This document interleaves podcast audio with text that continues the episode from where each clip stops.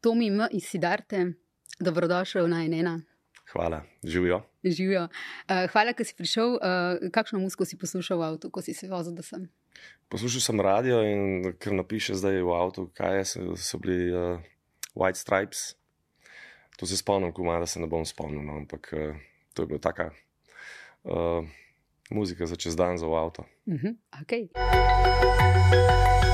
En ena podcast, Suzano Lovec. Lepo zdrav tudi vsem gledalcem in gledalkam, poslušalcem in poslušalkam. To je ena podcast, jaz sem Suzana Lovec in z mano je torej Tomi Meglič Sidarta. Sidarta, ki je po petletnem premoru zdaj spet predstavlja pesmi. Je ta petletni ritem, petletka, nek tak ritem, ki vam zdaj ustreza? V bistvu ne. ne? Celo bi rekel, da smo včasih bolj na dve ali pa tri leta, zdaj zaradi znanih razlogov, teh zdravstvenih uh, je to najdaljši premor naš. Uh, malo smo se polenili kot ekipa, ampak kot sami smo pa bili kar ustvarjalni. No, tako da, smo, da se dve leti nismo videli ustvarjalno, da se pravi, da bi muziko delali, ampak uh, vsak za sebe in se nabrali malo preveč materijala, zdaj po tem času pa um, moramo toliko več uh, stvari hkrati početi, no, ker um, nas to napolnjuje, seveda. Pa uh, itak smo bili mnenje, da bo to trajalo par tednov, mogoče še en mesec, ne in vsak teden smo mislili, da bomo se dobili prej. No, na koncu je minilo dve leti. Uh Mhm. -huh. in, uh, zdaj pa tak čas, ko se zdi, kot da tega sploh ni bilo. In, ampak se je pa nabrali toliko stvari, da, jih moramo, uh, da bi jih radi no, naredili čim Mm. več. In vendali. Um, kdaj in kako se torej odločite, da je čas za nove komade ali pa nov album? Kdo se to odloči, kako se odločite? Uh, v bistvu nimamo nekega čist uh, pravega, uh, kako bi rekel, načrta, nikoli. Ne? Ustvarjamo skozi, tudi kadar nismo skupaj. Uh, življenje ti, ti ponuja različne ideje in se potem to dela. Um, Pravzaprav vsak dan, pri meni, mogoče celo vsako noč. Uh, Noč. noč, jaz sem kar nočen človek. In um, se mi zdi, da smo po, poleg uh, benda, ne, da imamo še ljudi okoli nas, ki so tisti, ki mogoče rečejo, zdaj pa čas, ker imate toliko materijala, da bo prišlo do uh, mal, uh, mogoče malo prepira, kaj zbrati. Mi imamo na koncu vedno problem s selekcijo tega Mhm. materijala, kot pa s tem, da bi imeli premalo stvari. ne. In uh, je super, da imamo ljudi, ki so z nami že 20 let in več, uh, ki nam dajo malo zagon ali pa brca v rit, tako po domače povem, da je zdaj pa čas spet, da se da kaj novega ven. Ja. Ker smo imeli tudi obdobje, kjer smo iz- izdali po 20, ko ima dve plošči hkrati, ne zdaj pa pet let nič. Um, Malo se zasanjamo in pol nam času ide zdaj. Si, si zato sem prej vprašala, ne, če, če vam je zdaj ta čas, ko vam je pet let, ta pravi ritem. A veš, Uh, uh, se staramo. Ja, ne. Slučajno prišlo do tega, da je zdaj Mhm. pet let minilo, ampak imam občutek, da bo zdaj vnaprej, če ne bo kakšnih spet čudnih pretresov, ne, da bomo več stvari uh, dali ven. Oziroma, Mhm.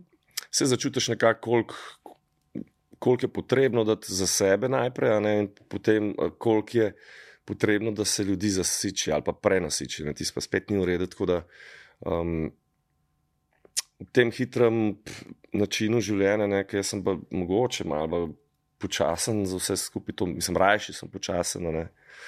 Se mi zdi, da je kar težko najti prav termin ali pa čas, za, za, kdaj pravzaprav predstaviti vse svoje ideje in delo, zaradi tega, ker je poplava vseh ostalih. Ne. Lahko je to kvalitetno ali pa niti ne, ampak na dosegu s tem uh, internetom in pač uh, globalnostjo iščeš nek svoj prostor v tem um, vedno manjšem prostoru in vedno manj časa, ki je nasičen. a Ne. Zdaj, ne bi pa radi eh, delali ljudi nervozne. Ne.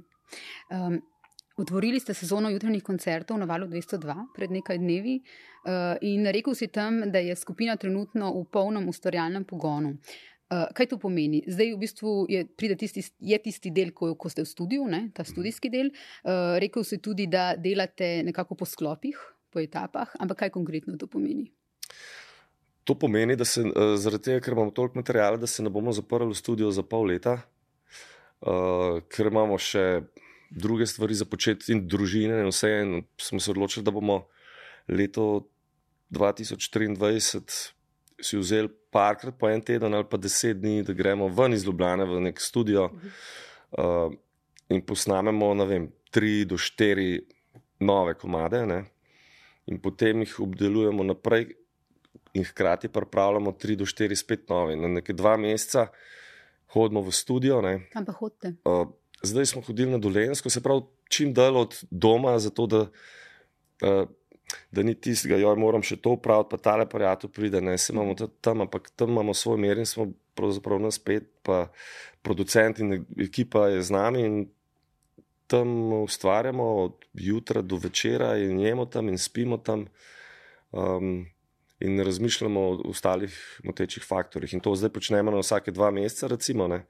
čez dva dni gremo spet, tokrat po mojem, za malo, za deset dni. Um, Pol pa po, po, po tem, ko bomo imeli ta koncert v Stožicah, bomo pa kar še hodili, dokler ne bomo sploh ne vemo točno, koliko bo naša nova plošča zajemala enih stvari. Uh mhm. -huh. Da celo lahko pride, da bo sta dve ali pa da bo ena tako malce daljša. Uh -huh. um, Veliko tega ustvarjanja in snemanja, česar pet let nismo delali.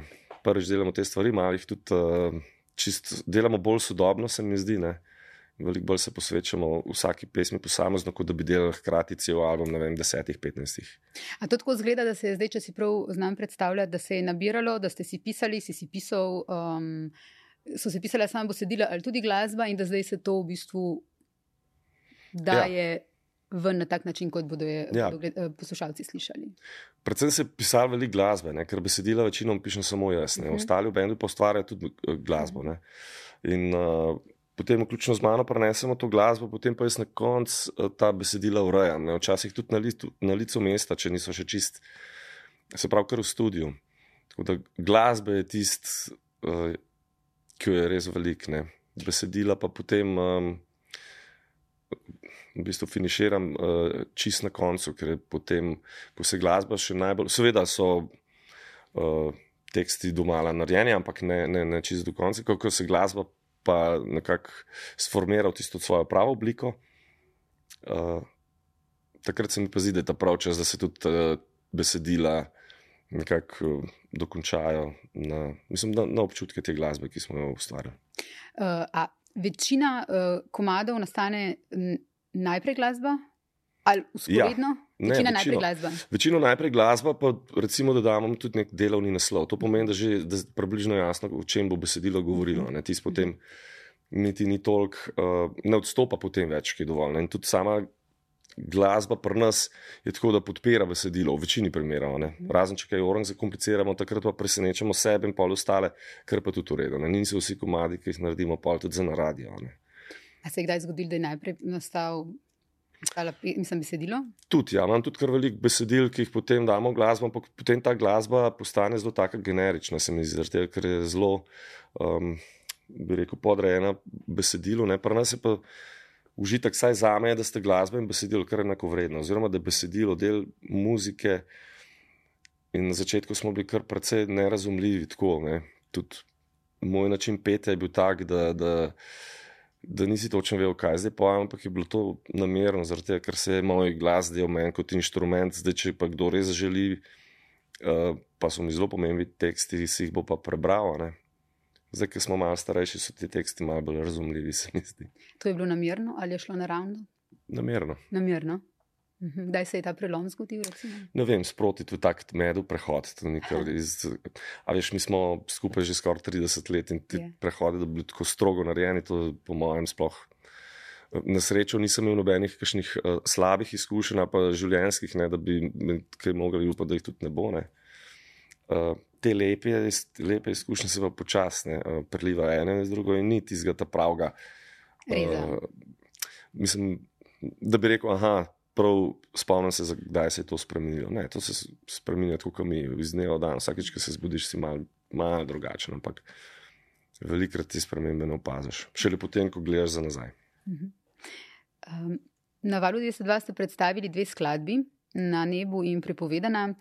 A je v kateri od teh dveh kakšen del, ki ti je vem, posebej blizu, ali pa tako, da bi zdaj eh, zapel par besed? Uh, Ja, Ponaco, kar večina tega. Ne, ta prepovedana ima mi je všeč ritmika vokala v refrenu, ki ni tipična in ne brž tudi ne bo ena izmed pesmi, ki bi jo lahko ljudje pel zraven. Ali pa se motim, kar bo pa sploh super. ne.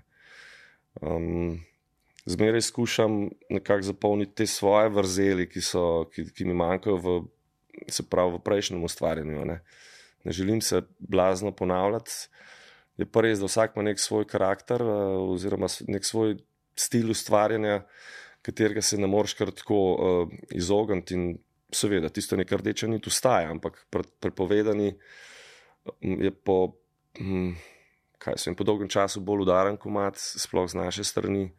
Zdaj bomo tudi naredili video, zapis, se pravi, video spot se reče. Ne? Uh, na nebu je pa seveda ljubezenska, ampak zelo taka neprizemljena, za tak naslov. Ne?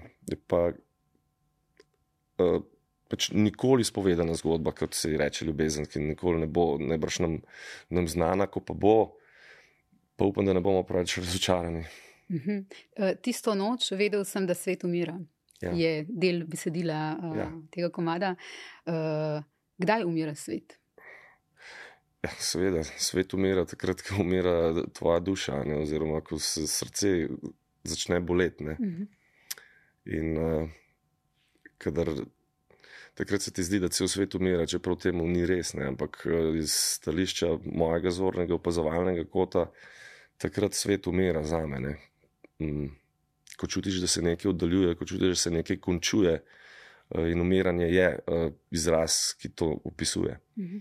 Um, in ne dvomim, da, da je marsikdo od nas, če ne celo vsi, smo imeli tako občutek, ne? kdaj. Samo, če smo zelo čudni, ga nismo imeli. ne? Ja. no. Um, a je veliko avtobiografskega v tvojih uh, besedilih? ja, kar velik. Mhm. Je kar nekaj domišljije, no, ampak tudi ta domišljija ponati izhaja iz avtobiografskih izkušenj, zaradi tega, ker um, domišljijo dam zraven samo, če se meni zdi morda kakšna stvar malo manj zanimiva, ne? ali pa prevečkrat slišena in občutena za, za ljudi, in potem dodam domišljijo, zaradi tega, ker postane bolj, um, bolj zanimivo in tudi uh, bolj prepričljivo. Mhm. Včasih pa veš, da so tudi stvari, ki jih doživimo, ne, ali pa dogodki, toliko intenzivni, da ko jih opišeš v pesmi, pravzaprav ne rabiš domišljati, ampak jih celo malo miliš zadeve, da ne bi tako strašljivo izpadlo. Ne. Mhm. Um, jaz jih podoživljam potem, ne, ampak za kakšne stvari pa ne bi rad, da jih ostali. A kdaj jočeš, ko poješ? Pa... Tudi sem že, ja. Aha, na vajah, na koncertih? Uh, na koncertu se mi da ne velikrat, no na vajah sicer redko, kadar pa sam ustvarjam, pa Aha. pridem do tega. In to je tudi nek tak lakmusov papir za mene, da vem, kdaj kaj dela. Mogoče neko pojem, ampak ko poslušam petje, ko je prvič nekaj. Ne, Mhm. um, Da gre čez, da gre emocija čez. ja, ja.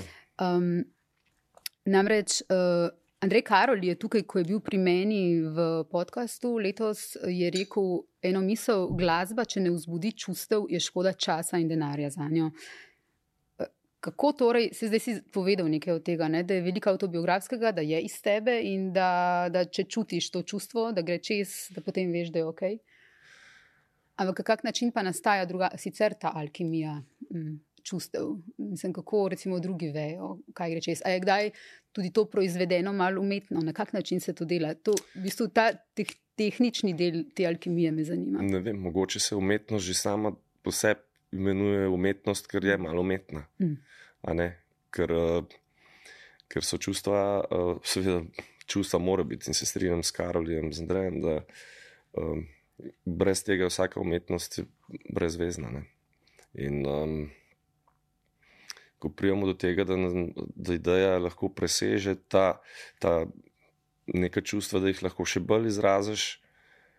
Uh, Še bolj močno, bolj intenzivno, lahko si porošaš vse, pravzaprav, ne? ni neke omejitve. In um, ko pride do tega trenutka, da, se- da te neke, neka čustva prevzamejo, se jih jaz skušam ali jih zapisati, ali pa saj zapomniti. Mhm. Um, zdaj, ko imamo telefone, ali si neutralnih in napišem, ali jih imam pa kot diktafon. Ne? Mhm. Na način, da mi bo pol sprožil podobno, se pravi, skušam že takrat z neko umetnostjo v parih stavkih povedati, da ne bom uh, pozabil, ker bom doživel kasneje ena druga čustva ne, in bo ta dobila drugo barvo ali pa mogoče drugačno obliko, pa ne bi želel, ne, ker so tiste tako močne ali pa tako prijetne ali pa neprijetne, da bi si jih rad prav tako zapomnil. Ne. In velikrat pol že samo te ali ne, ki jih naredim, uh, so del teksta pol za naprej. Ne. Ki ga pol samo popeglate, recimo. Ki ga lahko samo popeglaš, ja, ali pa uh, narediš zgodbo okrog tega, uh, se pravi, upoštevajoč in uporabljati z, z uporabo vseh teh besed, ki so notrne, mogoče v istem redu, ne, ampak da je sporočilo uh, domala popolnoma isto. Mhm.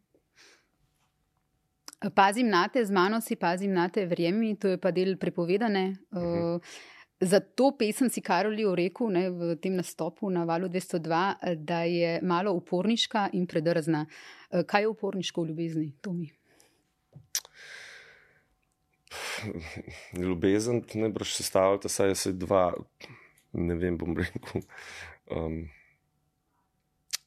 Vsaj dva, morata biti, ne vem, da sta zdaj ali, uh, živa bitja, lahko je tudi nek predmet, ampak en do drugega sta ponovadi uporniška, zaradi tega, ker vsak posebej uh, želi neko pozornost. Mislim, pozornost, mogoče ni čista prava beseda, ampak je uh, navdihovati tistega nasproti sebe, ne? ga, ga izpopolniti uh, in včasih pride tudi do samo osebnega upora, mogoče to uporništvo. Uh, velikrat za ljubezen naredimo stvari, ki jih običajno ne bi.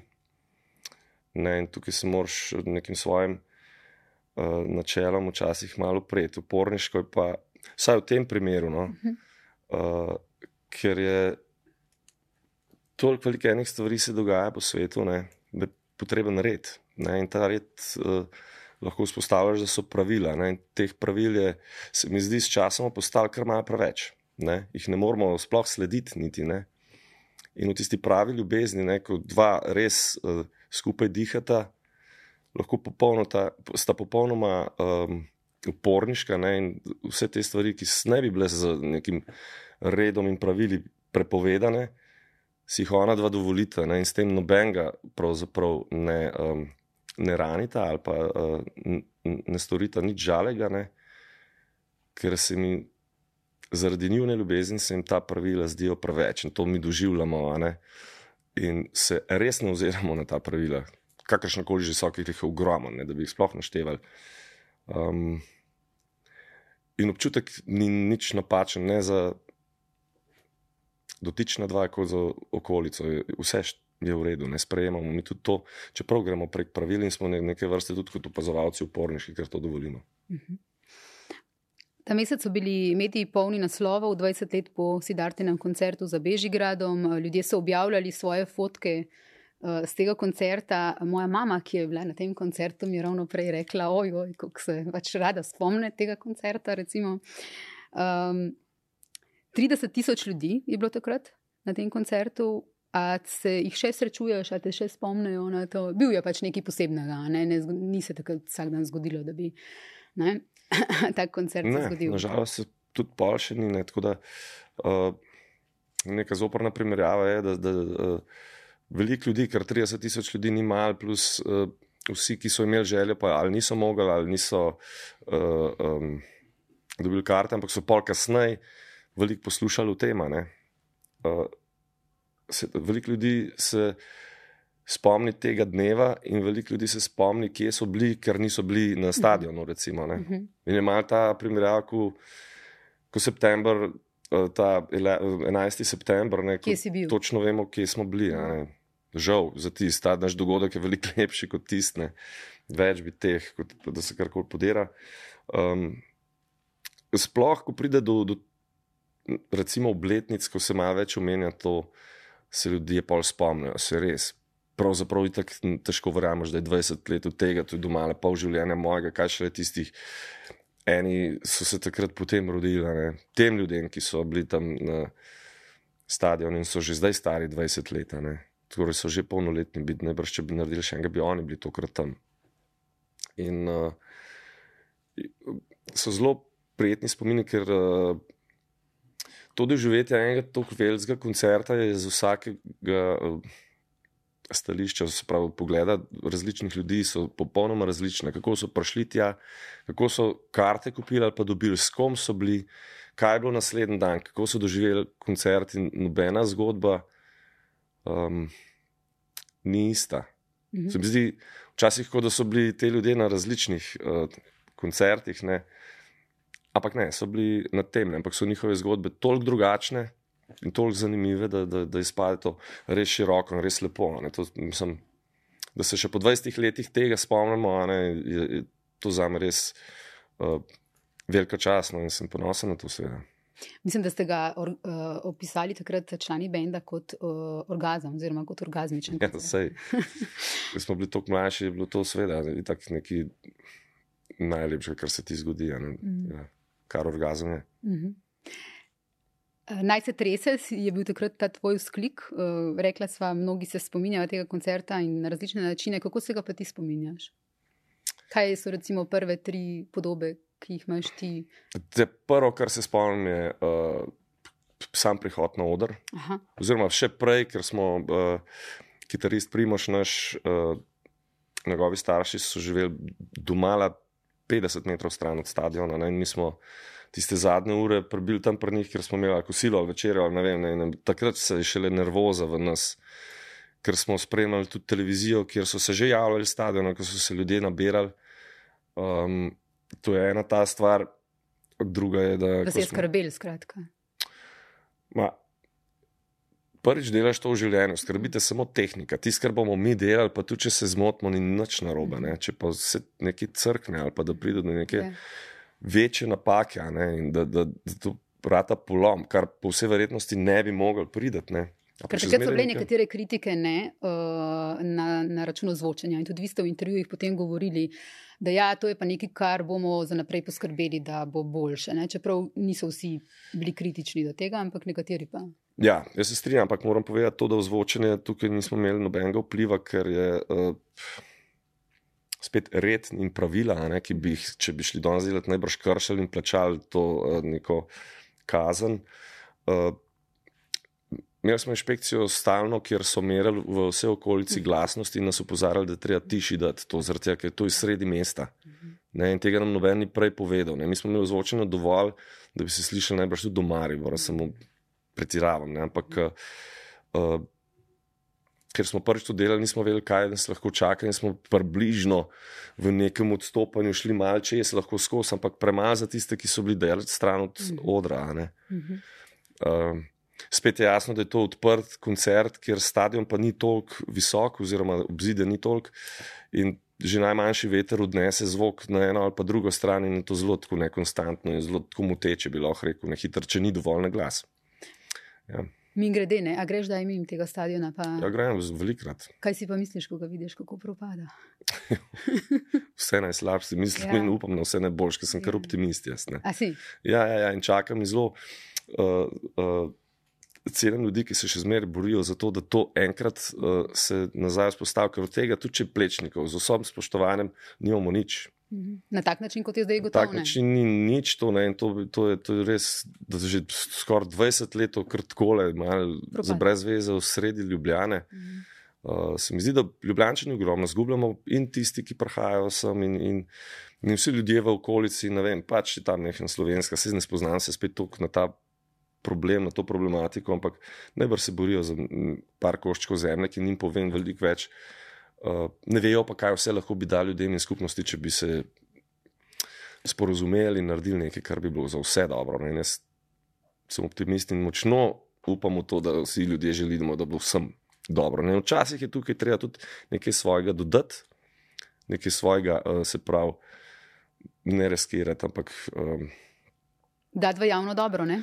Da je javno dobro, ne, ni treba zdaj samo grabiti zase in da je to štumfa. Razumeš, sem malo imamo slovenske te uh, narave, da, da, da najprej za sebe in to bomo zdaj um, nekako. Uh, pa se ne zavedamo, da če dajemo v skupno dobro, da, je, da lahko veliko več imamo tega, oziroma smo tudi bolj mirni. No. Vsi ti ljudje na eni in na drugi strani so nemirni in to že ni v redu. Ne. Kako se je spremenjala glasba, eh, kako se je spremenjala Sidarta, kako se spremenja ta trg glasbe, če pogledaš recimo 20 let nazaj ali pa celo več, 28, koliko obstajate. Ja. Orang se je spremenil. Uh, predvsem, uh, kako se zdaj uh, glasba deli. Uh Mhm. -huh. Sprav, zdaj med mrežami glasba je pravzaprav del kar vseh, posod jo imamo na voljo, kar želiš, do vsega tega prideš. ne. Um, Včasih so bili ti mediji, na katerih se je glasba poslušala, težko dostopni, sprnasa, tudi bili so omejeni. Tudi če so prodajali ti veliki glasbeniki na milijone, na milijone nekih plošč, je bilo to omejeno. Ne. Danes je ogledal ali pa poslušan na milijarde, um, kar prej ni bilo možno. In meni je ok, da je tako, seveda, ne, se je pa veliko spremenil. Zdaj, ravno obratno se je zgodilo. Ne. Recimo za bende, ki so bili včasih stadionski bendi, ne, so hodili delati turneje po svetu, po stadionih z nekim minusom, ogromno denarja so zapravili za to, karte so bile tudi cenejše kot zdaj, eh, v razmerju z, z, z plačami. Ne. In te koncerti so bili reklama za plošče, ki so jih ljudje potem hodili eh, kupovati v uh, trgovine, in od tega so glasbeniki živeli. Mhm. Zdaj pa plošče izdaja zato, da so naša vizitka, da ljudje prijo na koncerte in od tega mi potem živimo, bolj od koncertov. Kot, se pravi, to se je zamenjalo. Uh, Veliko lažje pride do dobrih posnetkov zaradi tehnologije, seveda računalnikov, in predvsem ni potrebno imeti teh gromozanskih mašin, ki so bile prej snemalne mašine, zdaj se to poskrbi, za vse to poskrbi tehnologija, kar je spet plus. ne. Minus je pa to, da pride ogromno enega, če lahko grdo rečem, stranja od muzike. Ne, in je potem težko to siti, oziroma težko je narediti selekcijo, kaj je dobro, kaj ni. Um, minus je tudi to, da če, če imaš dostop do vse muzike, kar obstaja, da si zelo instanten. To pomeni, da daš 10 sekund priložnosti nekemu komadu, kjer srce tega komada prije še čez 3 minute in ne boš nikoli prišel do tega. Pa ti je mogoče celo spremeni dan, teden ali pa celo življenje. Ne? Ampak zaradi tega, ker se klika po 10 sekund, to je pa moteče. Ne? Mhm. To je Ker, pa škoda, da je tako. ker smo z družbenimi mediji tudi mi vsi narejeni ne, na teh Seveda na hiter, ne tako tak, hiter, gor, dol, ja, levo, desno. ne, in to- ne ja. damo priložnosti. Ne. V Ja. bistvu, ne, In sploh ni nekega pravega zadovoljstva. V bistvu, kot da, da ne vidimo, kaj, kaj gledamo na teh um, socialnih omrežjih, ampak gledamo, kaj bi mogli mi narediti. Se pravi, gre vse tako malo mimo nas. Aha, tole mi je zanimivo, ampak me sploh ne gane, ganilo me bo, ko bom jaz to naredila ali pa naredil. ne. Aha, to mi je všeč, zdaj se bom jaz malo pofnal na ta način. Kaj tebe gane? Jaz sem narejen v v 1900 in nekaj, ne mene gane. Uh, No, narejen si v 1977, na, na isto leto, kot jaz. ja, ja, ja. Takrat je končni izdelek prišel. ja, Ja. Narejen sem malo prej mogoče. Ja. Um, čisto znova, po mojem, ta vsa čustva, ki so, ki so pristna megane. in Imam pa malo več nervoze, kot prej, ravno zaradi tega, zaradi tega hitenja ne, in zaradi tega instant življenja. To me pa to me moti, ko, ko, ko lahko splezam ven iz tega. Ne. Ker najbrž me ni toliko ujel, kot opažam mlajšo generacijo. ne. Uh, me pa gane to, da se lahko pomirim in da imam uh, možnost še zmeraj izražati ljubezen in začutiti. In da me lahko kdo spravi tudi do sous, ali uh, radosti, smeh, ali pa tudi od žalosti. Ne, vsega. um, to se mi zdi kar pomembno, ker je to očiščenje tako zelo uh, prijetno. Je, ne. Mhm. in me ganejo prijetni občutki različnih, uh, bom rekel, uh, različ, z, različnimi etiketami, ne rabi zdaj samo srečen veselje. Je fajn včasih spoznati tudi uh, malo žalosti, ker potem sreča postane večja. Mhm. Ne. Skozi srečo doživljati, uh, bi postali kar utopeli. Res je. Um, a lahko tisti koncert, o katerem sem prej govorila pred 20 leti, primerjaš te, s tem spektaklom Oj Triglav, moj dom letos v Kranjski gori ob otvoritvi svetovnega prvenstva v nordijskih disciplinah? To je bil en tak wow, govoril se je dolž časa, ti si v bistvu tam tudi zapel. Ne? Uh, a je imel nek poseben uh, ali pa podoben vibe kot tisti Bežigrad? Zate? posebno je, ampak tiste bolj, uh, tukaj sem bil bolj gost, del ustvarjalcev, ne, ampak stadion sam je bil ko moj otrok, ne tiste, v bistvu do tistega časa se je vse življenje zlilo v ti stadion. Uh -huh. Tukaj pa pri Triglavu in sodelovanje s Silence in Leibach in z ostalimi gosti, ki so bilo pa zame posebno zato, ker imam tisti del, kjer smo izvajali, se pravi Kransko-Gorski z vsemi temi gorami, ga najbolj začutim v sebi kot del narave, kot del uh, športa, ker je bilo to kot uh, otvoritev svetovnega prvenstva v nordijskih mm -hmm. disciplinah. Jaz sem bil dolg časa upet v ta šport, moj sin je upet v ta šport. V skakanje, ne? V skoke, ja. In tudi uh, se je Kranjska gora znana po smučenju, kar obožujem tudi sama. Ne? In da sem uh, bil lahko del te otvoritve, ki je povezana doma, cel svet, oziroma svet, ki se ukvarja s temi zimskimi športi. Zelo posebno in toplo in zelo lepo. In je tudi ena izmed res nepozabnih uh, noči, ali pa en nepozabnih večerov, takrat tam ta prav užitek. No, ampak je res pa tudi to, da nisem imel tam toliko skrbi, kot sem imel za stadion. Prvič sem že dolg časa v tem. Uh, ljudje, ki so to organizirali, so točno vedeli, kako se to dela, mi pa stadioni, absolutno ne. Uh, smo se bolj metali na glavo. Eh, profesionalizem, kar se tiče zdaj na, na višjem nivoju kot takrat. Ne. In ko enkrat to štima, si lahko bolj pomeren in bolj uh, uživaš v vsem tem. Ker pa stadion, ko so prej omenili, par trenutkov se spomnim, veliko pa sploh ne, ker je bilo. Imam občutek, da je moj um malo gasno in se samo posvetil tistemu trenutku, da uživaš v tem, ampak eh, se ni, ni se pa zapisval na moj hard disk tako močno, da bi se lahko spomnil. To je kar malo šlo mimo. Ne? Mhm. Ta koncert pred 20 leti, takrat se je zdelo, da ste v bistvu na neki prelomnici, oziroma bili ste na prelomnici. Ne? Vsi smo čakali, vsi so čakali, glasbena skupnost. Kaj se bo zgodilo, a vam bo uspelo tudi v tujini na tak način, tako zelo, kot vam je takrat v Sloveniji? Mislim, dejstvo je, da vi ste bili tista leta zvezde, ne, če, če lahko komu rečemo zvezde, ste bili vi zvezde takrat. Um, zagotovo nekaj let najbolj priljubljen slovenski bend. Ampak potem se ni prelomilo. Ta, v bistvu, ta vrh uh, se ni prelil v tujino na tak način, kot ste si vi želeli. Je ja, je res. Ja. Mi smo veliko hodili tudi, ampak finančno nikoli uspešno. Ne? Da bi si prav. Uh, vidno ali pa eksponentno uh, večali to našo fenovsko bazo, tudi ne, ne se je večala, ampak ne, ne do trenutka, da, da bi lahko mi preživeli s tem. Ne. Mi smo imeli ogromno stroškov, če bi imeli večje koncerte, bi se to najbrž bi ostalo na nuli, ampak ker smo toliko vložili, nismo imeli več denarja, da bi lahko sploh to še počeli. A ste kdaj analizirali, ali kaj bi zdaj naredili drugače, kaj bi zdaj naredili drugače? A je nekaj, kar se vam zdi, da je takrat šlo narobe? Pa...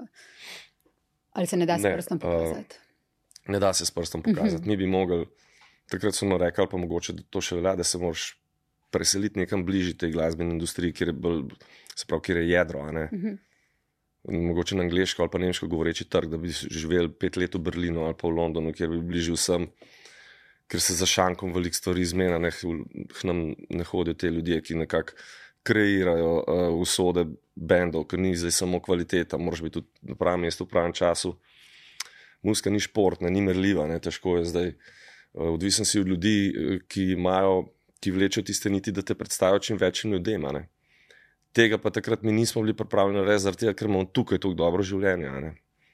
Uh, govorim ne samo kot glasbenik, pa kot se mi zdi, da je tukaj v Sloveniji, ne glede na to, kako smo sprti med sabo, imamo zelo super izhodišče za raziskovanje sveta in vsega. Ne? Naša želja je bila, da tukaj ostanemo, pa ne zato, da smo, ker smo hodili po svetu, posod in z bendom in tako. Ne?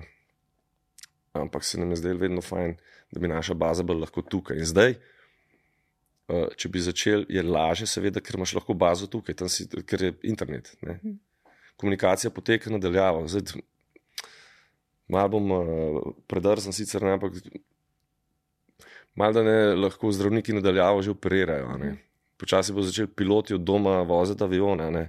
Takrat, 20 let nazaj, ali pa 30, si pa mogel jeti London ali pa v Berlin, zato da si se dubil s temi ljudmi, da se to zmeni. To je ogromno časa in denarja in ni vedno uspešno. Ne priješ vedno do ta pravih ljudi. Ne. In zdaj je to uh, veliko, veliko lažje, ampak ima pa tudi hkrati veliko več izvajalcev to možnost. Ne, to je spet si, je borba med tistimi, ki bojo zbrali pravega. Joker Out so naredili. Joker Out so naredili super potezo s tem, da so šli na Eurovizijo, da jih je svet spoznal na ta način, ne, da ima potem zdaj tukaj odskočno desko. Mi, ne glede na vabila, da bi šli na to, se mi zdi, da nismo bend, ki bi lahko. Koliko je bilo teh vabil? Ja, ne vem, bom rekel, lahko bi jih naštel na prste ene roke, ampak so bila, ne, ampak uh -huh. jih nismo sprejeli zaradi tega, ker smo imeli občutek, da naša muska ni primerna za to. Pa jaz spremljam Eurovizijo, ne, ampak uh -huh. Se mi zdi, da bi bilo nam malo neroden, da to ni naš okolje, ni ta pravi habitat za nas, kjer bi se lahko razvijali in ne bi tega izkoristili na način, kot so zdaj Joker Out, ne, ki imajo v bistvu vse pred sabo, nima uh, svojih družin, lahko grejo za dve leti, kamor želijo, ne, in si gradijo bazo, ker je to uh -huh. veliko hitreje. Imajo ali Instagram, ali Facebook, ali karkoli, imaš kar naenkrat na 10 in 10, na 100 tisoč sledilcev. Prej si jih dobil samo prek radio ali pa časopisov, pa tako in ne priješ zraven. To so oni super izkoristili in je to. Uh, ampak mi tega takrat ne bi naredili tako. No. E, tudi zdaj ne bi? Ne, ne, ne nimamo, nismo, se mi zdi tak material, da bi, uh mhm. -huh. da bi mi verjeli v to. Uh mhm. -huh. Mene zabava Eurovizija in jo gledam, ne bi pa bil del tega, razen kot avtor, ja, ampak ne, bi, ne vidim se na odru, ker um, mi ni, mislim, iskreno, kaj na to smislu nima. Ne, ampak um, tudi ljudje bi čutili, da ne bi mi tega vzeli. Iskreno. Ja, ali pa za res, ali pa da bi. Um, kaj pa vem. No. Jaz mislim, da bi si lahko naredili več slabega, kot pa ne. ne. Prihajamo iz, se pravi, iz, uh, iz drugih gozdov, prihajamo, bom rekel, kot pa, kot pa zdaj. Uh mhm. -huh. Ali se ti zdi, da je ta uh, koncert, ki prihaja novembra, ki bo v Stožicah, lahko podobna prelomnica, kot je bil tisti pred 20 leti? Lahko, sicer tisti je bil prvi, to ne moreš nikoli več zamenjati. Um, prvič delamo sami, zdaj je Reno Stožica. Ja, in uh, po petih letih predstavljamo tudi nove stvari. Najbrž ne bo čisto uh, zaznamoval našo kariero, kot je stadion. Ne. Bomo pa sigurno boljši, ne, ker imamo toliko enih stvari. Da, uh, če nekdo bi na stadionu in bo tudi v Reni Stožice, bo videl, da je sam performance, pa nimamo omejitve glasnosti. Tudi, um, imamo dovolj sredstev, da naredimo in vizualno in glasbeno za kar par nivojev boljš, kot smo lahko takrat. Uh mhm. -huh. Zdaj si lahko prvošmo vse, kar najboljšega obstaja in to bomo pač izkoristili. Okay. 28 let ste skupaj, eh, ne? kakšni so bili, gotovo so bili v vseh teh letih, ne samo sponi, ampak so bili gotovo tudi padci. Kako so se mogoče spremenjali odnosi med vami, ali pa uh, je bilo težko ostati skupaj? A se je kdaj zgodilo, recimo, da ste višli na razen, pa javnost tega ni vedela? A je bil kakšen takšen trenutek? Ne, moram kar reči, da, srečo, da imamo srečo, da smo res ekipa, ki smo nevrjetno tolerantni za vse razlike, ki so med nami. Hmm. In da imamo res veliko spoštovanja en do drugega in da čutimo stisko. Ki mogoče nastane pri drugem, nikoli nismo šli na razen. Mogoče da je kakšen član zaradi svojih osebnih, uh, ne, ne zaradi spora, uh mhm. -huh. da se umaknem, ampak tudi, tudi veliko manj, kot se dogaja kjerkoli druge. Imeli smo pa seveda tudi težave, ogromne, ne, ki so nas pa samo je uh, zelo dober občutek, je, ko smo imeli, ne vem ko se je čas in okolje in to ni poklapalo, in smo imeli preveč stroškov, si naredili stadionom, drugim, ki smo ga delali v Stožicah, ne 2011, in smo prišli v ogromne finančne uh, dolgove. Ja. In takrat bi nas to lahko razstrelili, vsak na svojo smer. Ne. Ampak smo prav z neko toplino na smehen obrazu si rekli, da je to pred nami in to bomo zdaj rešili. Kako ste pa rešili? Ja, tako da smo skupaj, da, da smo en drugemu dali uh, rame in podpor, in smo delali koncert za koncertom, velikokrat tudi nevidno, ne, da smo vse ta denar prenesli noter. V bistvu smo igrali za ston več kot eno leto, bi rekel. Mi nismo nič od tega, ne, da smo vse to noter prenesli. Vse, kar je prihajalo k nam, smo dajali za to, za, za dolg, ki smo ga imeli za, za stadion. Uh, in nas je to nekako navdihovalo. Sploh nismo, noben od nas ni čutil nobenega bremena za to, da bi rekel, kako je to težko. In tudi, ker smo to nikoli nismo mislili, če ne bi bilo tega, koliko bi pa lahko več imeli. Ne, to, ko imamo, to je v redu. Um, kot tako ena taka, en kolektiv skup stop, ko je po tolkem času, ki je že skupaj, uh, da si ne začneš učitati in naprej metati stvari, in kaj bi lahko ti si kriv, ali pa najbrž smo vsi mal krivi, pa hkrati nobeden nič. Uh, se mi zdela to tako enostavna ovira za premostiti, da je, da je prav, se rekel, le, če to ni za, za vedno ekipa, pa, pa ne vem. Ne, Dober zakon imate v bistvu. Dober zakon Ja, Žiga Aljaš mi je pred časom tukaj rekel, da ko gre v bendu, um, ko gre bend na razen ali pa ko gre nekdo iz benda, da je tako, kot pač, da ne, se ena ljubezen konča. In, uh, In zgleda, je da ima- tako, in je, je tako, res je tako. Je to res močno čustvo, ker si povezan Mhm.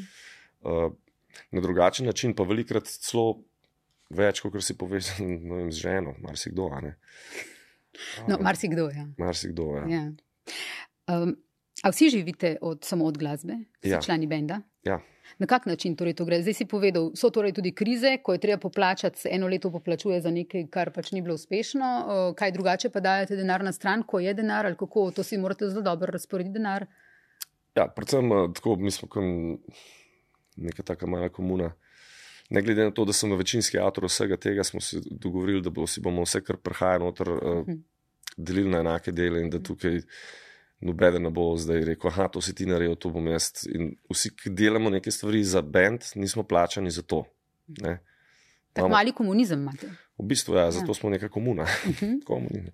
Uh, tako da, kar meni super, ker jaz lahko počnem točno to, kar delam in to ustvarjam. Ne. Mhm. Uh, za finance ali pa za drug, uh, bom rekel, za druge zadeve, ki meni niso tako blizu, skrbita, recimo Boštjan in Primoš, ki, se, ki pa uživate v tem. ne. Mhm. In ona dva uh, v bistvu dajeta na stran to, kar so se pogovarjali. Ne? Jaz ne vem koliko, ampak uh, jim zaupam in nikoli tudi ne vprašata, če bo kdo kaj dal zraven, zaradi tega, ker imata zvere tako urejeno. Ne? Kar se tega tiče, sta zelo redoljubna, da, da če se karkoli se lotimo, ima ta ona dva že naštiman kupček, se mi zdi. Mhm. Ne. E, so kakšne stvari, recimo, ko jih vaši uh, poslušalci ne vejo o vas, ki si jih mogoče niti ne predstavljajo? Mislim, da upam, da ne vejo veliko stvari. Ne? Recimo, ajde, eno. Ne, mislim, tudi nismo bend, ki bi skozi lezali iz vseh paštet, pa ja. um, ja. iz vseh medijev. Tako da teh stvari je sigurno ogromno. Ne vem, kaj, kaj bi se zdaj spomnil, da bi bilo sploh tako zanimivo. Ne, če bi določene. Verjetno so to nek, tudi neki deli življenja, ki so recimo dolgočasni ali pa ustvarjanja. To si verjetno poslušalci ne predstavljajo. Ne? Se zdi, oddalec se zdi to življenje all fun, kar verjetno ni vedno. Ne? Ne, ni vedno. Ne. Ja. Tudi mi moramo doskrat stati v vrsti, ki je. Um, Mogoče manjkrat kot ostali, ampak če, če imamo možnost, včasih to sprejmemo, ker se drugače dogovorimo, najbrž. Ampak te čakanja so najbrž najbolj dolgočasne. Moram pa priznati, da ni veliko dolgočasa, zaradi tega, ker zmeraj imamo neke stvari, ki še niso upravljene. In v našem poslu je tako, da ko, tudi ko greš domov, nikoli ne greš čist domov. Ne? Mhm. Je v bistvu si skozi z glavo prisoten in naše delo ni nikoli zaključeno. Se to je včasih malo problema. Ne? Včasih malo zavidam ljudem, ki so zaklenili svojo pisarno, ubijali ženo in otroke in šli v, v, v avtodom in se odpeljali in je to. In tudi pustil model doma in računalnik in telefon in vse, le, zdaj smo klere, takole, ne. tole imam jaz zaključen, zdaj pa pičemo. Mi- Pri nas je to nemogoče. Doma. Saj pri meni ne. No. Tudi v novinarstvu. Je isto, Povem, da- najbrž isto. ne. Nažalost, pri večini, ja. Ja. Nažalost. Jaz si dovolim to, da se najavljam na telefon, kadar se tako, ampak uh, v glavi pa razmišljam o tem. Ne, ne moram zakleniti pisarne, ker ni. Ja, ja, ja. Pri zasebnosti sva, eh, dokje spustiš medije, nekaj si zdaj samo omenil, tudi to, da v bistvu nikoli ni konca, ampak kaj, kaj pa kar se medijev tiče. Mm, Kaj ti poveš, česa ne, kje rečeš medijem, ok, od tukaj dalje je samo moje življenje, tle vas ne spustim zraven, kje je ta črta, kjer to mi M reče, uh, don't cross that line. Uh, v bistvu ta črta je tako, ne, ker smo že toliko časa v tem, ne, to v bistvu večina mojega življenja se ukvarjam s tem, ne, tako da ta črta um, je postavljena tako, da sebe spustim blizu, kot je lahko le potrebno. Nimam jaz nobenega, ali um, da bi me spravili na roden položaj, kar koli. Črte ponad to, da svojih bližnjih ne, ne, ne ogrožaš, da, da njim ni neprijetno. Ne želim si, da je mojim bližnjim, bližnjim zaradi tega, s čimer se jaz ukvarjam, da mi je neprijetno ne, in da jih na vsak način skušam uh, predstaviti javnosti ali pa njihovo to, ali pa naš odnos, ne, če to njim ni, uh, če to njim napašene. Kar se pa meni tiče, sem pa izpostavljen že toliko časa, da nimam za neke pravorenk. Črte, dobro, ne rabim. Si ne bi želel, da bi bil jaz del resničnostnega življenja, da bi kamere skozi okrog mene letele, ker bi, ne, najbrž nisem tak tip. Uh -huh človeka, ne rabim pozornosti. Pravzaprav tudi to, da sem jaz frontman skupine, ni bila moja želja, ampak je bil to uh, splet na ključnih okoliščin. Jaz sem veliko raje tako malo umaknjen, nimam nobene potrebe se izpostavljati. Veliko ljudi opažam, da jo imajo ne, in se mi zdi, da, da, da kar malo trpijo s tem. Je kar naporno to. Ne. Kako to misliš, splet okoliščin? Je bilo na ključje? Ja, nismo mogli, jaz bi raje bil recimo samo kitarist ali pa ustvarjalec muzike, ne, ampak nismo najdel nobenega, ki bi nas prepričal v tistem trenutku, da bi pel. Mhm. Mm, moj brat zelo dobro poje, ampak smo rabili bobnare, tako da smo rekli, da naj on kar bobna, ne, ker je bil najmlajši, takrat ni imel mogoče toliko. Um, Pravice uh, pač do svojega mnenja. Uh, vaje so, so nam pa užitek na melomusko delati, pa noben ni bil, nas ni presenečen na vokal. Tako da nekaj časa sem jaz rekel, da bom jaz malo Bruno zraven pa pel. No. Uh, in še zdaj traja to. Mhm. In od, od tega, kako se torej zgradi bre, uh, band in brand, od, od tega, da ste se pogovarjali, kdo sploh bo pel, pa da ste se dobivali, pa igrali za gušt, do tega, da ratate zvezde. Tle je veliko stopnic. Kako se izgradi band? Ja. Radi so vam bili tudi zelo naklonjeni. Ja. Um, ampak kaj je bilo treba narediti, katere stopnice so bile?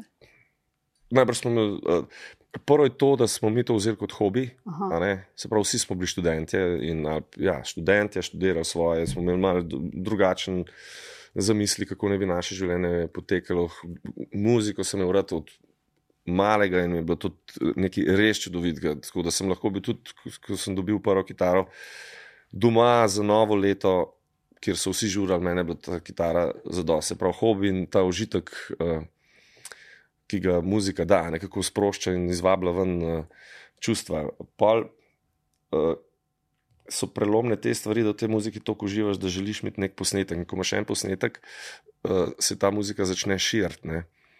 In ker smo mi delali tako muziko, ki smo jo pogrešali, da bi obstajala takrat, ne saj na slovenskem, smo naredili tako in nekako zafilali neko luknjo, ki je ni bilo. Glasbene zvrsti v Sloveniji so bile takrat malo drugačne.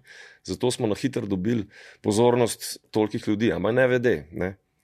Si ne bi predstavljali, mi, da, bi, da bo ljudi zanimalo, kakšno muziko mi ustvarjamo, ker so imeli drugo, ki se mi zdi bolj primerno za slovensko uh, ljudstvo. Pol, ko želiš, ko imaš muziko, ti nekdo predlaga, zdaj, mogoče še za na televizijo je primerno, da se naredi nek video spot in potem gre to kot domine, oziroma se samo širi, kot virus, bom rekel, tako prijeten virus, se sam širi.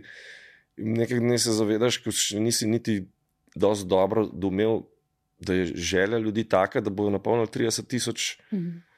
Uh, mislim, stadion, ki sprejme 30 tisoč ljudi. Dosti hiter se je zdel tako nam in tudi nam. Čeprav smo imeli skozi svoje, ampak ne, še zmeraj je bil to naš hobi. Pa kar naenkrat vidiš, da, da, da ta hobi preraste v nekaj, od česar tudi drugi ljudje živijo, ne? ker uh, glasbena industrija se stavlja iz vseh, od, časopisov, radijev, do založnikov, do snemalcev studijev, tistih, ki. Mislim, ogromno ljudi je. No? In potem začneš čutiti neko odgovornost, že sam, ko, ko greš korak nazaj, vidiš, kdo vse je upleten v to potem uh, se ti zdi fascinantno in ker imaš to eno in edino življenje, sprejmeš to igro, ne, ki se rečeš, to je zdaj. To je zdaj igra, ne? mi smo študirali popolnoma druge stvari ja. kot pa to. In ljudje študirajo, da bi delali to, kar mi delamo, pa ne delajo tega. Ne? Uh -huh. Imáš glasbenike, ki nikoli ne bojo, pa so lahko stokrat boljši. posamezno, posamezno. Mi smo pa kot bend naredili nekaj, kar je. Ker neka, uh, pravzaprav se ne znamo napisati kemijske uh, enačbe, ne, uh, zakaj se je to tako spojilo skupaj. In zdaj pa to že, dra, zdaj pa že užitek draž, ker živimo od tega, ne, in živimo slabo od tega. Uh, vse, kar je, sem upal, da bo tako po 30 letih ukvarjanja. Um, je to pa zdaj naše življenje, naše družine so upete v to in vsi so nekako ponosni na, na to. Um, in se imamo fino, v bistvu, uh, bi rekel, manj stresno kot ljudje uh, v današnjih časih, ki imajo. Kot bi bilo, če bi najbrž še imel neko službo, ki sem si jo zamislil, ko, ko sem še študiral, ja, pa 15. Ja. Ali kaj v življenju obžaluješ, zdaj, kot glasbenik ali pa drugače v svojem življenju. Mi smo zdaj stari, kot smo ugotovili, 46 let, uh mhm. -huh. to so pač ta leta za obračune, uh mhm. -huh. za polagati račune. Um, na en način smo v bistvu v svojih glavah, pa še zmeraj stari, to kot so stari zdaj v bistvu naši otroci. Že, To, hočem ja. reči, mi še zmeraj smo mentalno zelo ja. mladi ja. in se nam zdi, ja. da je še cel, celo življenje pred nami. V resnici pa lahko že kar nekaj stvari pogledamo za nazaj. A če tako pogledaš nazaj na svoje življenje, a ti je za karkoli žal. Ja, zdaj se mi spomnila v bistvu za, za eno stvar. No, bi, ne bom rekel, da, bi, da ne bi ničesar spremenil, marsikaj bi spremenil, zdaj ne vem v detajlih, kaj točno ampak kakšne stvari nisem, kakšnih stvari nisem naredil najbolj pravilno, najbrž ne, pa bi mogoče bilo mi lažje, če bi. Ampak je ta pot bila taka. Ena stvar pa je, ki sem si jo vedno želel, pa zdaj pa absolutno prepozen. Ko sem bil mlajši, oziroma majhen še, ne, sem bil športni navdušen, še zdaj sem, ampak zdaj sem tako pasiven, gledam. Ne. Takrat sem pa kar nekaj športov treniral in bila moja največja želja, da bi postal olimpijski prvak.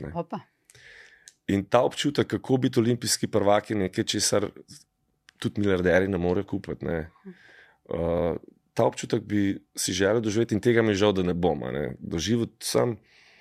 Uh, sem pa doživel veliko več, uh, mislim, ogromno enih stvari zdaj z muziko. Uh, Se pa zavedam tudi tega, da če bi bil olimpijski prvak, najprej bi lahko še zmeraj se z muziko ukvarjal. Ne moreš pa se z muziko ukvarjati 30 let, pa pol več olimpijski prvak.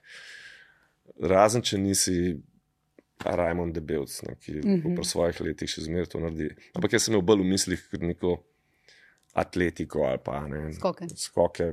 Bolj celo atletiko. Sem šel staviti s svojim kolegom, da bom, eh, ne vem, kjer ga leta že mogoče, da do leta 2000. No, yeah.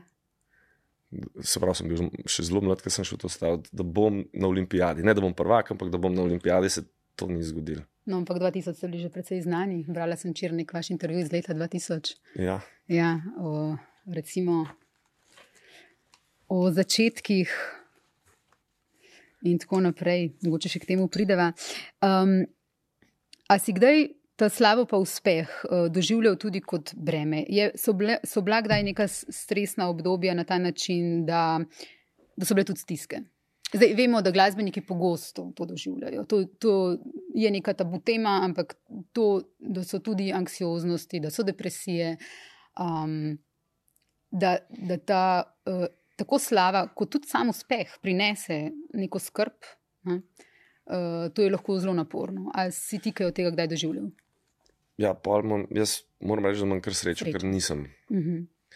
uh, si ne bi želel tega, ne, ampak zato, ker sem omenil tudi prej, ne, nisem nikoli rabil tega, nek, da sem izpostavljen in imam nobenega problema, je sam po kruh in to po, po eno tedensko nabavko v trgovino. Grem, v bistvu celo uživam, imam meri, me nobeden ne, ne nadleguje. Ne. Uh -huh.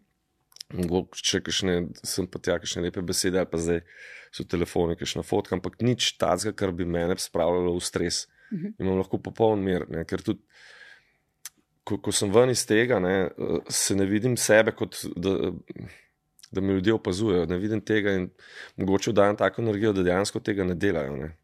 In če gremo nekam mal dlje, ali vem, na smučenje, ali na morje, ko pridem nazaj, pa me nekdo pol ali prepoznava, kaj se spomnim. A ja, se, se res, jaz sem v bendu, ki ga ljudje poznajo. Ne, tam, recimo, da en mesec nisi izpostavljen nobenih no, nobenim ljudem, ki te prepoznajo, pa res pozabiš. Marsikoga bi to motil, ker bi izgubil pozornost, meni pa to fajn. Uh -huh. uh, in nisem imel nikoli nobenih stisk, nobene zagate, nobenih neprijetnih takih uh, Um, kar je res v redu. Se pravi, tisto, kar sem si želel, da pobajem z obeh strani, uh, sam ta dobro. Ne. You are a lucky guy. Ja, Ja. kar se tega tiče, pa je. Ja. S kom kot bend najraje sodelujete, ali pa s kom ti naj, najraje sodeluješ, pa da niso v bendu. Um, tlele iz leta, uh, evo, Kot, v peskovniku Sidarto iz mladine, Jura Aleksič uh, je pisal takrat, leto 2000. A vidiš Okej. fotko? vidim, ja.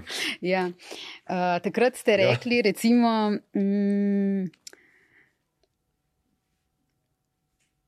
Moment, vzori, evo, uh, od Fate No More prek Coltrana do Queenov. ja, to je Slove- vsak za sebe rekel. Ja, ja. Uh, ampak od, Slove, od slovencev ste pa takrat izpostavili Magnifica Demolition Group s filtrom Bigfoot, Mama, Psychopath. Koga bi zdaj izpostavil ti? Kot kaj, da bi sodeloval z njimi. Uh, ja, a s kom rad sodeluješ, ali pa tudi koga tako oceniš? No? Uh, ja, zdaj smo itak v taki poziciji, ko sodelovanja je- jih je, jih je kar veliko. Mhm. Mm -hmm. da, um, smo že s kar velikimi od takrat, ko je bil ta intervju narejen, sodelovali. Takrat doma z nobenim. Mogoče ta prvi, ki nas je mal, pol, ki nam je mal luč po svetu, na nas je bil Vlado Kreslin, ker je Uh -huh. bil del našega Mhm. uh -huh. prvega albuma in potem tudi mi del njegovega kasnejšega. Um, zdaj uh, se družimo veliko s to mlado gardo, ne se pravi, ja, in z Joe Corant in z Murphy in uh, ti bendi, ki ustvarjajo nek uh, nov hype v, uh -huh. v slovenski glasbeni sceni. Ne, in oni uh, so veliko stvari od nas uh, se učili, in mi veliko stvari za njih spremljamo, kako to počnejo in uživamo v tem. Ne, ne vem, se mi lahko kaj učimo, ker oni bodo imeli čez drugo pot, mi smo lahko samo support njima, ne, podpora. In to so ta sodelovanja, ki so zdaj najbrž spet neka nova medgeneracijska, ker um, najbrž hodimo med podobnimi ljudmi. Ne, in tudi, eh, ko se družimo, kar se v zadnjem času večkrat. Um, imamo vse to toplino, ker zelo podobno življenje živimo, in potem je ta družba naša je, je zelo prijetna. a Ne? A naslednji teden greš na Joker Out? Ja, ja, seveda, pelem tudi otroke svoje. Uh -huh. Okay. Um, Nekaj, s čimer so se uh, veliko ukvarjali um, kritiki, v bistvu je bilo tako, da najprej so vas, tako le imam v spominu, pa tudi ko sem zdaj pregledovala arhiv, sem videla, da je bilo res tako. Ne? Na začetku so vsi sprejeti z odprtimi rokami in ste bili tako mm, zlati dečki ne, slovenske glasbene scene. Potem je pa prišlo neko obdobje kritik, kritike, ostre kritike, pa tudi zelo uh, takih uh, neprijetnih izrazov in tako. A je takrat bilo za vas, recimo, težko to sprejeti? Sprejeti, da niste samo hvaljeni, ampak uh, tudi kritizirani. Ne, meni ne. Ne. Sem, meni uh, ni, ni lepo slišati to, ja, ampak mene to ne prizadene do te mere, da bi, da, se, bi se res zamislil in potem temu ali zapostavil ali pa spremenil nekaj, da bi ugajal. Mhm. To se mi zdi v bistvu lahko kar ena izmed večjih napak, ki jih lahko narediš. Ker potem daš moč kritiku, ki pa pravzaprav nima kaj dost, ne, ne bi imel kaj dost besede, če. Sploh, če spremljaš kakšne kritike, kako sami sebi v bistvu pluvajo skleda, oziroma ne če je to ta pravi izraz. Uh, recimo, bom povedal en zelo kratek primer, ki so šli Pearl Jam, prva plošča, to je bend, ki sem ga poslušal v 90-ih, s komadi Alive in Jeremy, uh, naslov je bilo Ten. Nobeni poznajo so te kritike rekli, to je novo odkritje in vse to. Uh, In potem so, ne vem, mogoče rabili dve leti, ampak so tako veliki postali, da so z isto ploščo prodali, ne vem, 10 milijonov tega albuma. Ne? In so kritiki začeli govoriti, da so se zdaj svojo glasbo v bistvu prodali. Mhm. Ne? In da so začeli, da, da ta glasba ni več ista.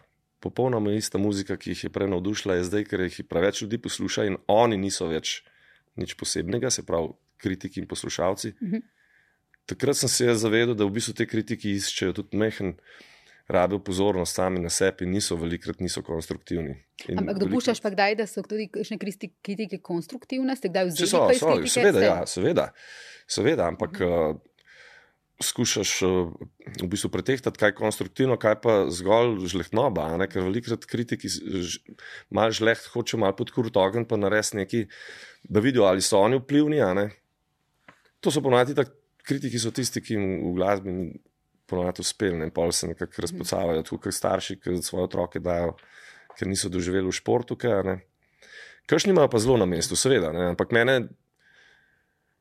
Uh, Rajš celo berem kritike, ki so na mestu, ki so mogoče slabe, kot tiste, ki so samo hvalnice. Uh -huh. Zase se tako sami sebi zdimo super, ne? zato pa to dajemo ven. Ko se nam zdi nekaj super, damo ven. Ne? Če se nam ne bi zdel, bi rekli, oj, ker to se skozi ustane, ne? ne moramo mi vzeti nazaj. Ne? Čim daš ti ven, je to ostane v svetu. Um, tako da iz marsikatere kritike smo se veliko naučili, pa vzeli tako, da bi mogoče kaj. Um, v tej smeri naredili. Ne? Pa jaz zelo hitro opazim, nek, eh, kdaj je ta, to, kar sem rekel, žlehnova, ali pa kdaj je kritika, ki je konstruktivna, konstruktivna ki je na mestu in ki, uh mhm. -huh. ni, um, ki ni osebna. Uh -huh. uh -huh. S temi kritiki se tudi tukaj večino poznamo, in če si enkrat do enega bil mogoče čist ne vede, zoporen, je druga kritika njegova bila povsem drugačna. Ja, to, to tudi... so mali ljudje, za mene so Aha. to škoda. No. Ker to so vam tudi zamerili, ne? da ste na začetku bili zelo dostopni, dali intervju vsakemu, potem pa, ko ste rasli, ne, ste postali bolj nedostopni. Se je teže prišlo do vas, intervju niste več na isti način dajali, ne, niste se pogovarjali. Ali ni to logično? Ja, ko smo začeli, sta dva hotla intervju od nas v treh mesecih. Ja. Potem pa... je hotel 20 metrov v enem dnevu, ne moramo. Uh mhm. -huh. Ne, da, da, da smo zavračali intervjuje, sploh ne. Uh mhm. -huh. Nam je to bilo v redu, če se nekdo zanima. Ampak fizično ni možno, da je toliko intervjujev. Ali pa da bi samo to delali. Mi smo glasbeniki, mi nismo samo za intervjuje delati. Mislim, takrat bi lahko delali po 20 intervjujev na dan, pa še ne bi bilo v redu. In ko eno rečeš ne. Pol si rekel, sem. Ne, yeah. Ja. Ko si prej prvi žem omenil, Takrat, leta 2000, uh, eh, je bila tudi ta debata o tem, ali ste vi zdaj komercijala ali ste alternativa, ne? pa kateri žanr je, pa kaj ste, pa kako ste, pa kako izgledate. Mislim, uh, dobesedno ste v tistih letih, mislim, da leta 2003, ne, pred tem koncertom, dobivali vprašanje, ti si dobival vprašanje, ali si, to je dobesedno, to se ne zmišljujem uh, na diskovnih konferencah, ali si mažeš tudi nohte na nogah. To, mislim, hočem reči, na vse živo je bilo treba odgovoriti. Ampak recimo leta 2000 uh, so vam resnejši kritiki, tukaj piše Jurek Aleksič, ne, resnejši kritiki vas obtožujejo predvsem, da ste komerci, komercialkoti.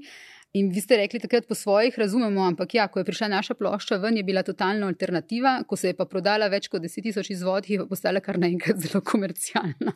Ja, to je to. To sem prej skušal umeti, s ja, prvim ženom ja. se nas izpostavljam, ampak se nam zgodi zelo podobno. Ja. Ne? Um, ne razumem, kako lahko to nastane. To je, mislim, to je v bistvu paradoks. Uh mhm. -huh. Ista muzika, uh, mi smo ustvarjali to. Mislim, ne more biti ista muzika, hkrati alternativna, ko se to proda, pa komercialna, ker mi nismo naredili. Razlike. Nič razlike gor, nismo spremenili nobenega tona, nobenega zvoka, noč to taka je.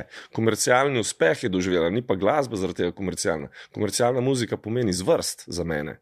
Ne, komercialna štanca, nekaj, nekaj je komercialna, da ima svoj namen ali se vrti iz, razloga, da se nekaj služi in nima namena nekih čustvenih uh, presežkov. E, kako pa bi jo po, po predalčku zdaj? Ja, mi izhajamo iz tega alternativnega roka, ampak smo različni in Jemali smo predvsem, vsaj jaz bi rekel, iz mainstreamovskih uspešnih bendov, ki so bili res veliki in so nas nadošvali. So, to so ponad stadionski bendi od uh, Guns N' Roses do Queenov, Metallica ne, in pol bolj mogoče alternativnih kot so Fate No More in Pearl Jam. Iz tega smo mi nastajali, ker smo poslušali in po svoje uh, ustvarjali muziko, ki jo pa pri nas noben bend ni igral. Mhm. Politi... Ni obstajala, oprosti. Ja. Ta, ta muska v slovenskem jeziku ni obstajala. Mm -hmm. Zdaj pa se, če nekdo vpraša, recimo v tujini, pošli mi nekaj, kar je slovenska muzika, vas veliko ljudi v bistvu pošle med drugim. Najbrž ja. Ne, pač live ja. je vas pa še kaj. Ja. Ja. Politično se nikoli ne opredeljujete, ok, logično. Ampak, a se vam zdi, kdaj je smiselno kot bendu ali pa kot posameznik, recimo ti, da bi kot nekdo, ki ima vpliv, ki je vzornik mnogim, tudi mladim, da bi o čem, razen, ogla, razen o glasbi, še kaj rekel javno. Najbrž ja, tudi v politiki, kdaj bo že prišlo do tega, ne? čeprav je to mal, um, kako bi rekel, temu, ima Sizifovo delo, se mi zdi. Ja. Um, pri nas niti ni prave opredelitve, skozi se menjajo te ljudje in čim bi se mi preveč izpostavili, bi samo še prilili olje na ogen. Imam občutek, da, da s tem ne bi čisto nič rešili. Ne. Se pravi, da bi se mi polarizirali. Ne, ki, mislim, da tudi v bendu sploh nismo vsi na istih straneh, mm -hmm. ampak funkcioniramo v tem, kar počnemo skupaj. Mm -hmm. Se mi zdi nepomembno. Mm -hmm. ne. Ampak da bi pa recimo ti javnost. Ne, ne vem, ko bi me ena stvar mm -hmm. tako počgala, da, da, da bi res rekel, da je malo miriti žogico. Nismo delač od tega, sicer ne, ampak uh, včasih ne razumem, kako Slovenci zdržimo skupaj, ker smo si tako na dveh različnih polih. To me moti. Mm -hmm. Čeprav je jasno vsem, da ko, ko grejo v menzo tam v skupščini, se pa vsi v istih stvarih pogovarjajo, so prijatelji, ne brž med sabo. Ne vsi, ampak um, mi je tudi zmedo delajo med ljudmi in tako nekaj. Uh, se mi zdi, z, z, z ne dovolj uh, modrosti. Z ne dovolj modrosti manipulirajo z ljudmi, ki so v bistvu um, uh, zelo dobrosrčni uh mhm. -huh. in jih jezijo po nepotrebnem in postajajo manj dobrosrčni, in to uh -huh. ni v redu. Uh mhm. -huh. Več modrosti pričakujemo od ljudi, ki nas na nek način vodijo. Um, čeprav smo se mi odločili za njih, ne, ampak uh, da se vodi uh, ljudi, ki niso pri koritu, ne rabiš razmišljati na način, bom rekel, ne. Uh, Nas, malih ljudi, ne rabiš na njihov način. Modrost je treba nam dati, ne z, z istim tem, kar mi živimo, ali pa nas prepirati, kot ne razdeli in vlada. Mm -hmm. to, to se mi zdi že malo. Da je šlo prek meje. Ja, ma, se mi tudi zdi uh, način, ki ni več uh, ta prav za to, da, da, da je ljudstvo zadovoljno. Uh -huh. A veš, to, ko sem te spraševala, zdaj, ali bi na kakšno stvar kdaj opozoril ali pa bi se o čem kdaj izrekel, ker namreč pred 20 leti.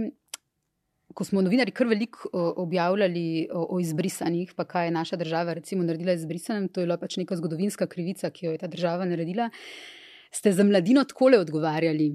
Uh, vprašal vas je Aleksič, kakšno je vaše mnenje o referendumu o izbrisanih. Tomaš, tega sploh ne poznamo, to mi ne poznam problema in ne vemo, kaj so izbrisani. In potem so vam pojasnili.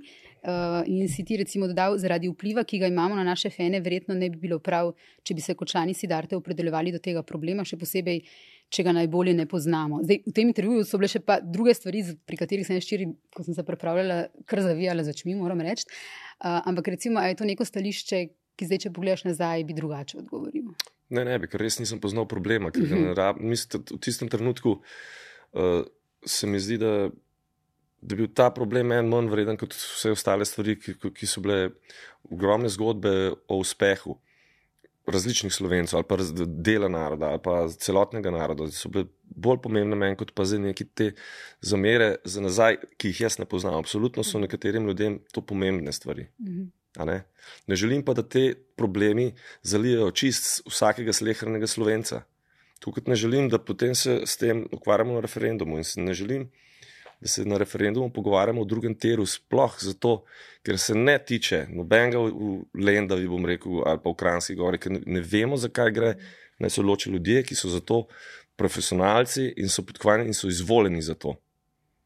Mi, in če bom jaz nekaj rekel, ne, a pa me bo kdo naščuval, ja, potrebno bi bilo to pa to reči. Mm. In bi zaradi tega masa ljudi naredila to, da bi jaz bil umeren, če še jaz ne vem, čisto točno, jaz ne vem rešitev na vse probleme. Absolutno ne. Razumem, ja. No, in takrat so v bistvu vse institucije in ustavni pravniki povedali, da pač je šlo za um, krivico. Um, kako bi, prej sem vprašala na to alternativo, pa um, ne alternativo, komercijalo, kar se vam je učitelju. A ste si vi tukaj zadali neko špuro, kdaj greste čez, kdaj ne greste, po kateri špuri morate iti, da boste tam, kjer v bistvu vam še ustreza? Politično? Uh, ne, uh, uh, kar se tiče glasbe. Da ne boste šli prek nečesa, tudi če bi bilo to bolj komercialno uspešno v tem smislu. Ne, ne, ne. ne. Imamo tudi stvari, ki, zelo, ki so zelo pocukrene in komercialne, lahko, ampak jih nismo izpostavili toliko. Ampak hmm. mi ustvarjamo muziko, ki je tudi mogoče ljudem ven iz naših okvirov. Ne.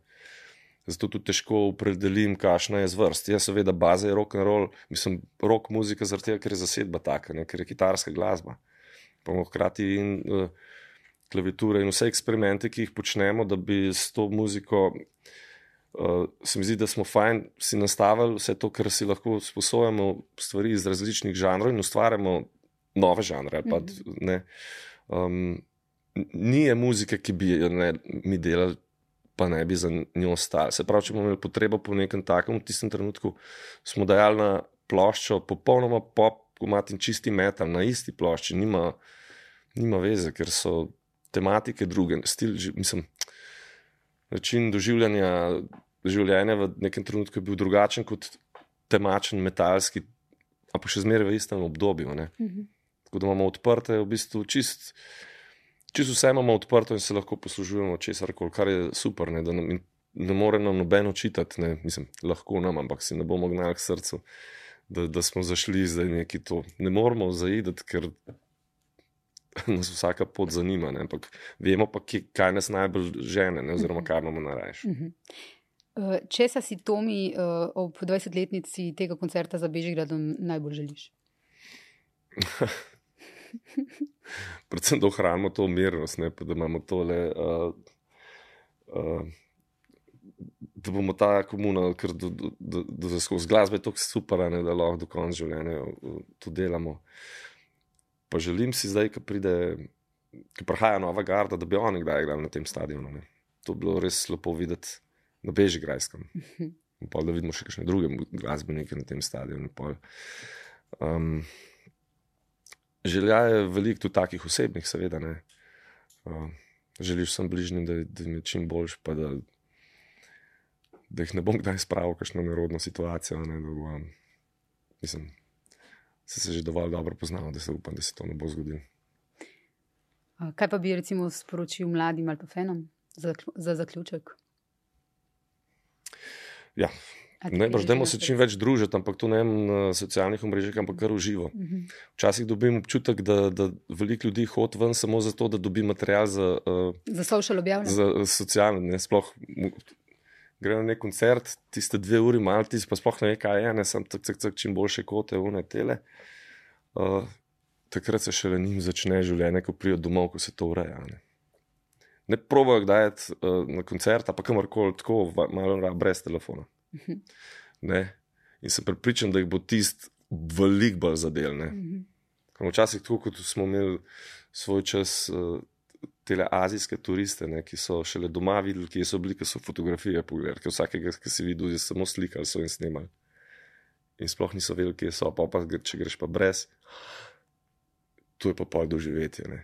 Ker več ali manj so ljudje že vse poslikali, pa posneli, res niso te posnetke zanimivi. Oziroma, naj se vprašajo sami, ko gledajo posnetke drugih, pa jih navdušijo. Bolj ne, ne kar pa. Največje navdušenje je poslati nekaj svojega, ampak zato moraš iti pa na koncert in ne gledati koncerta. Okay. Hvala lepa, Tomi Meglič, da si bil uh, moj gost. Hvala, Hvala. Uh, hvala tudi poslušalkam in poslušalcem, gledalkam in gledalcem. To je bil.